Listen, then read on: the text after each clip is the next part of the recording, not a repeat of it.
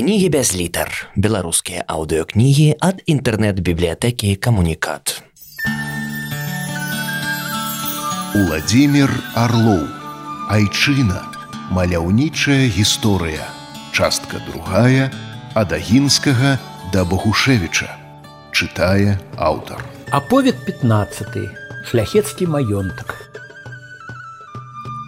першай часткі кнігі айчына вы шмат ведаеце пра ліцвінскую шляхту вольных людзей са знатных родаў што мелі ў вялікім княстве літоўскім шырокія вольнасці.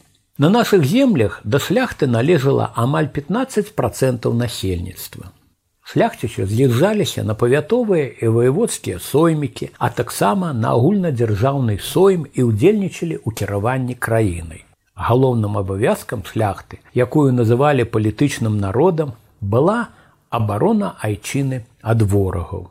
Аднак са шляхецкага асяроддзя выходзілі не толькі славутыя рыцары воеводы, але і палітычныя да рэлігійныя дзеячы, вучоныя асметнікі, пісьменнікі і мастакі. Калі літва Беларусь апынулася ў царскай імперіі, найперш шляхта змагалася за вяртанне дзяржаўнасці. Улады усяляк імкнуліся скараціць колькасць шляхцічаў. Тым не менш і ў 19 стагоддзі яны складалі значную частку жыхароў краю. Гісторыкі падлічылі, што шляхецкія карані мае прыблізна мільён грамадзянаў сучаснай Беларусі. Часам нашу шляхту называюць палякамі. Гэта вялікая памылка, бо шляхта мела мясцовае паходжанне, лічыла радзімы не Польшчу, а літву Беларусь, бараніла яе ад захопнікаў, паўставала супроць прыгнёту чужынцу. Хоць шляхцічы ў тыя часы гаварылі пераважна па-польску, кожны з іх ведаў беларускую мову, паважаў айчынныя звычаі і традыцыі. Літва Беларусь не была тут выняткам з агульнаеўрапейскай гісторыі, а адыход вярхоў грамадства ад сваёй мовы адбываўся і ў іншых краінах. Нарвежскія дваране, напрыклад, засвоілі дацкую культуру, чэшскія, нямецкую, а расейскія размаўлялі па-французску. Але калі надыходзіла новая гістарычная эпоха, адбывалася вяртанне да ўласных нацыянальных каранёў. Менавіта са шляхты, як вы потым даведаецеся, выйшлі стваральнікі новай беларускай літаратуры, дзеячы нацыянальнага адраджэння і змагары за дзяржаўную незалежнасць Беларусі.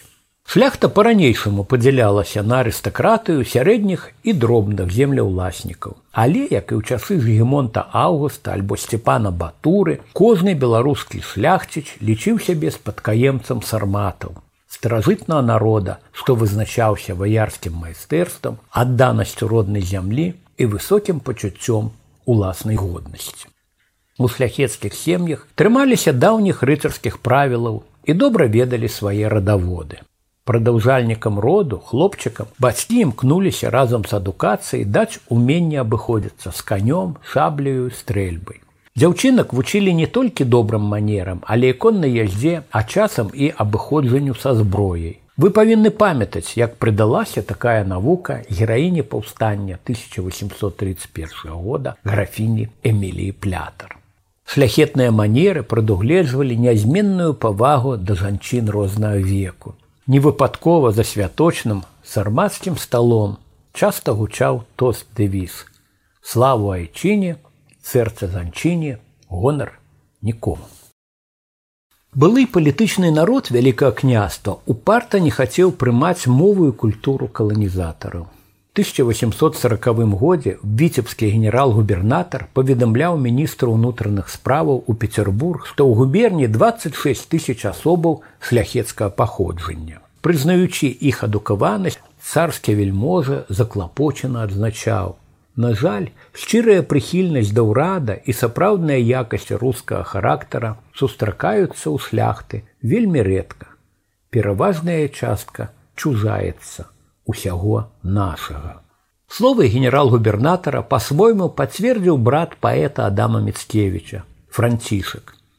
Успамінаючы іхні родавай маёнтак завосся на наваградчын ён пісаў: Невяліка багацця, ні тытулаў не мелі, але з дабрачыннасцю ўласных былі слаўныя. Са згоды ў сям'і, з любові да бліжніх, з літасці да бедных, з любові да Бога, са шчырасці, спраўды, з гасціннасці, сумленнасці і гаспадарлівасці, з выхаваных дзетак, а ў цэлым з любові да каханай літвы, зямлі мілай, айчыны нашай. Значная частка беларускай шляхты жыла заможна і мела маёнткі, уладанні, што складаліся з жылых і гаспадарчых пабудоў ды навакольных земляў. Знаны мастак Наполеон Орда часта з любасцю маляваў гэтыя старасветскія сядзібы. Ён называў іх астраўкамі ранейшай ліцвінскай цывілізацыі, якую намагалася знішчыць чужая ўлада, бо маёнткі заставаліся агменямі вальнадумства.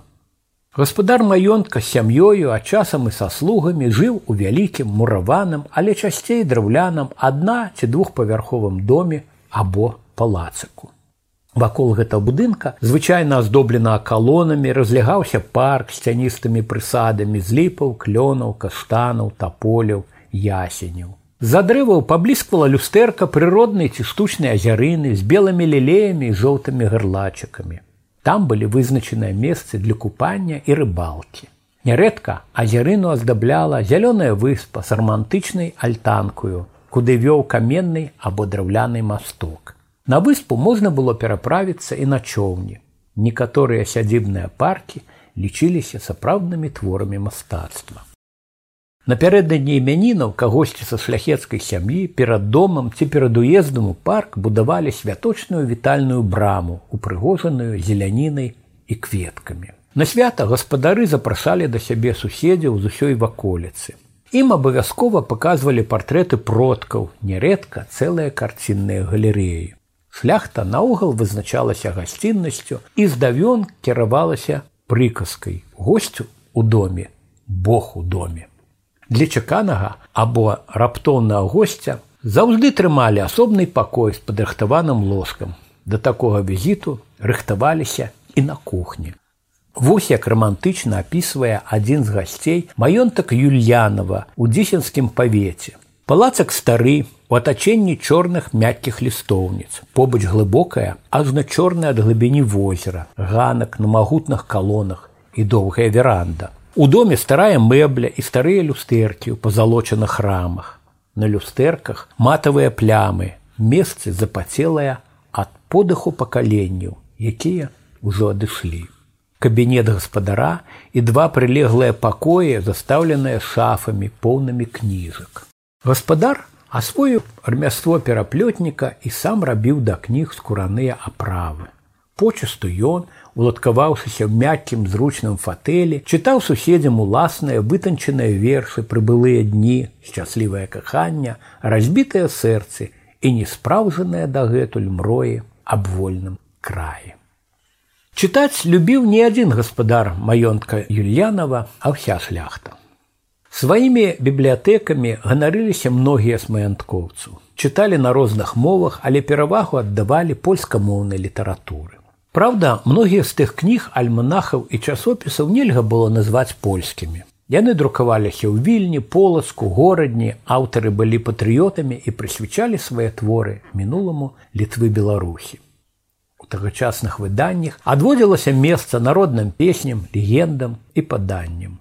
У беларускім прыдзвінні шмат падпісчыкаў меў альманах рубон.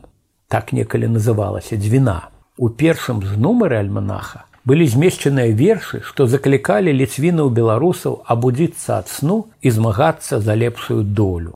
Рубон пісаў, што багатая беларуская мова, на якой размаўляе сялянства некалькі губерняў, чакае свайго адраджэння. Аўтары альманаха заклікалі маладых навукоўцаў вывучаць народную творчасць, называючы яе неацэнным скарбам і падмуркам наступных стагоддзяў. Першымі ластаўкамі новай беларускай літаратуры былі папулярныя ў шляхты творы Яна Баршчеўска, Яна Чачота, Тамаша Зана, Уладзіслава Саракомлі. Гэтыя літаратары пісалі па-польску і па-беларуску. Вінцэт Дунін Марцінкевич ствараў пераважна ўжо на нашай мове. Па-беларуску былі напісаныя невядомымі тады аўтарамі і паэмы Тарас на парнахі і Энеіда на выварат бліжэйшае знаёмства з творчасцю пісьменнікаў таго часу, бальшыня якіх паходзіла са шляхецкіх сем'яў, чакае вас наперадзе. Неверагодна важным месцам у кожным маёнтку была кухня. Нашчадкі сарматаў любілі шчодрую за століцу. Шырокі выбар страваў звычайна падаваўся і на сніданак, і на абед, і на вячэру. Но ў святы сталы ў заможных гаспадароў ледь не гнуліся ад разнастайнага смакоцця. Ганаровае месца ў шляхецкім харчаванні займалі стравы з мяса свойскай жывёлы і здабытай на паляванні дзічыны. Гаспадары госці чыставаліся рознымі каўбасамі і рулетамі, запечанымі шынкамі, галёнкамі і рэбрамі, выджанымі кумпікамі і квашанінай, пячонкай з цыбулькаю або часнаком. Ліцвіны беларусы ува ўсе часы шанавалі сала. Былі аматары свіных вушэй, хвастоў і лычыкаў. Сярод улюбёных страваў трэба згадаць не раз каштаваныя на пэўнай ваме мачанку і верашчаку. А ці чулі вы пра такі незвычайны прысмак, як ласіныя губы ў воцаце. Імі ласуюцца героі гістарычнай аповесці дзікае паляванне караля стаха, выдатнага беларускага пісьменніка Владзіміра Караткевіча. На стол неслі вэнжаных і смажаных паўгусак і вяленых качак. Цаніліся мяса індыкоў, юшкі з маладых пеўняў або з адных пеўневых грэбняў традыцыйнай стравай з птушкі была печаная ці смажаная гусь з грыбамі, капустай, яблакамі, кашай. Шмат каму смакавалі прыгатаваныя з бульбы дранікі са шкваркамі ды рознымі дадаткамі, бабка, калдуны або клёцкі з душамі, гэта значыць з мясам або з грыбамі. А тым часам падплывалі фаршаваныя шчупакі, смажаныя судакі, вэнжаныя вугры, Госці прыцмоквалі ад асалоды, каштуючы наварыстую юску з некалькіх гатункаў рыбы. На полачыне гатавалі неверагодна смачны малочны суп з ачышчанымі ад костак бакавінамі ляшчоў. Гэтую нечаканую страву, дзякуючы бабуліным рэцэптам, не раз давялося пакаштаваць у дзяцінстве мне, аўтару гэтай кнігі. Высока цанілі продкі і прыправы, перац, каляндру, часнок, пятрушку, кмен, хрен, гарчыцу, ягады ядлоўцу. З даўніх часоў на стале гасцявала рысавая каша з шафранам. А былі ж яшчэ супы і поліўкі, ліцвінскі халаднік, зацірка, іншыя стравы з мукі і крупаў, згародніны і садавіны. Каб больш даведацца пра ўсё гэта, трэба прачытаць цэлую кнігу Адна з такіх кніг наша страва укладзеная сучасным знаўцам шляхецкай і наогул беларускай кухні алесем белым. Там вашыя матулі і бабулі знойдуць шмат якія даўнія кулінарныя рэцэпты. За бяседнымі сталамі звенелі кухлі, келішкі і келіхі з півам, хмельным мёдам, вінамі, мальвазіі з Грэцыі, рейнскім віном з нямметчыны, такайскім з вугоршчыны. Шляхта любіла пачаставацца настойкамі і наліўкамі, зуброўкай, вішнёўкай, крамбамбулей. З гарэлкі мёду і спецый прыправаў выраблялі крупнік. Не давалі заганы розным узварам, квасам і кіселям. Пры канцы за століцы прыносілі каву. Дзяцей клікалі за стол, калі падавалі дэсерты. І вы не адмовіліся б пакаштаваць запечаныя ў мёдзе яблыкі і грушы з цынамонам, перагі з ягадамі і сырам, або мядовыя пернікі. На купальня звычайна гатавалі саладуху, кісла салодкі прысмак жытнёвай мукі з суніцамі, чарніцамі і незаменным мёдам. Дзякуючы шляхце, што захоўвала старыя кулінарныя рэцэпты і стварала новыя, сёння беларуская нацыянальная кухня адна з самых багатых і разнастайных у Европе. Шляхцічы былі пераважна руплівымі гаспадарамі. Яны ўмелі выбраць і дасведчаных сумленных аканомаў, якія кіравалі маёнткамі. Галоўныя прыбыткі давала земляробства. У заходняй Европе павялічыўся попыт на збожжа і в адказ нашы земляўладальнікі абшарнікі ў некалькі разоў павялічылі плошчу ворнай зямлі. На ёй сель жыта, авёс, ячмень. У некаторых мясцінах перавагу аддавалі бульбе, цукровым буракам, ільну. У жывёлагадоўлі прыбытковай была гадоўля танкарунных авечак. Некаторыя маянткоўцы нядрэнна зараблялі продажам рыбы і ракаў. Багатыя маёнткі, апрача гародаў, садоў і вялікіх пасек мелі аранжырэі цеплярні, дзе выспявалі абрыкосы, персікі, вінаград, лімоны і апельсіны. Калі будзеце разглядваць нацюрморты з садавінай мастака Івана Хруцкага, ведаеце, што ўсе намаляваныя на іх плады паспелі не ў далёкіх цёплых краінах. Яны наліліся сокам у цеплярнях самога мастака і яго суседзяў, прыдзвінскіх маянткоўцаў. Буйныя абшарнікі будавалі прамысловыя прадпрыемствы, цукраварныя, вінакурныя, суконныя, смалакурныя. Уладальнікі маёнткаў і аканомы сачылі за еўрапейскай эканамічнай літаратурай. Яны пераймалі перадавыя правілы гаспадарання, выпісывалі з Англіі сельскагаспадарчыя машыны, сеялкі, малатарні, арфы, так называліся фабрычныя веялкі. Заводзілі лепшыя пароды жывёлы. Для вырабу смачных сыроў патрэбныя дадаткі часам замаўлялі азна са Швейцарыі. У 1830 годзе Александр Скірмунд у маёнтку моладава на піншчыне заснаваў першую беларусі цукраварню, дзе сыравіную служылі буракі. Гэты дапытлівы гаспадар, выпускнік фізычна-матэматычнага факультэта віленскага універсітэта атрымаў дзяржаўнае пасведчанне на сваю бліскучую вынаходку, паравы апарат для выпарвання цукровага сіропу.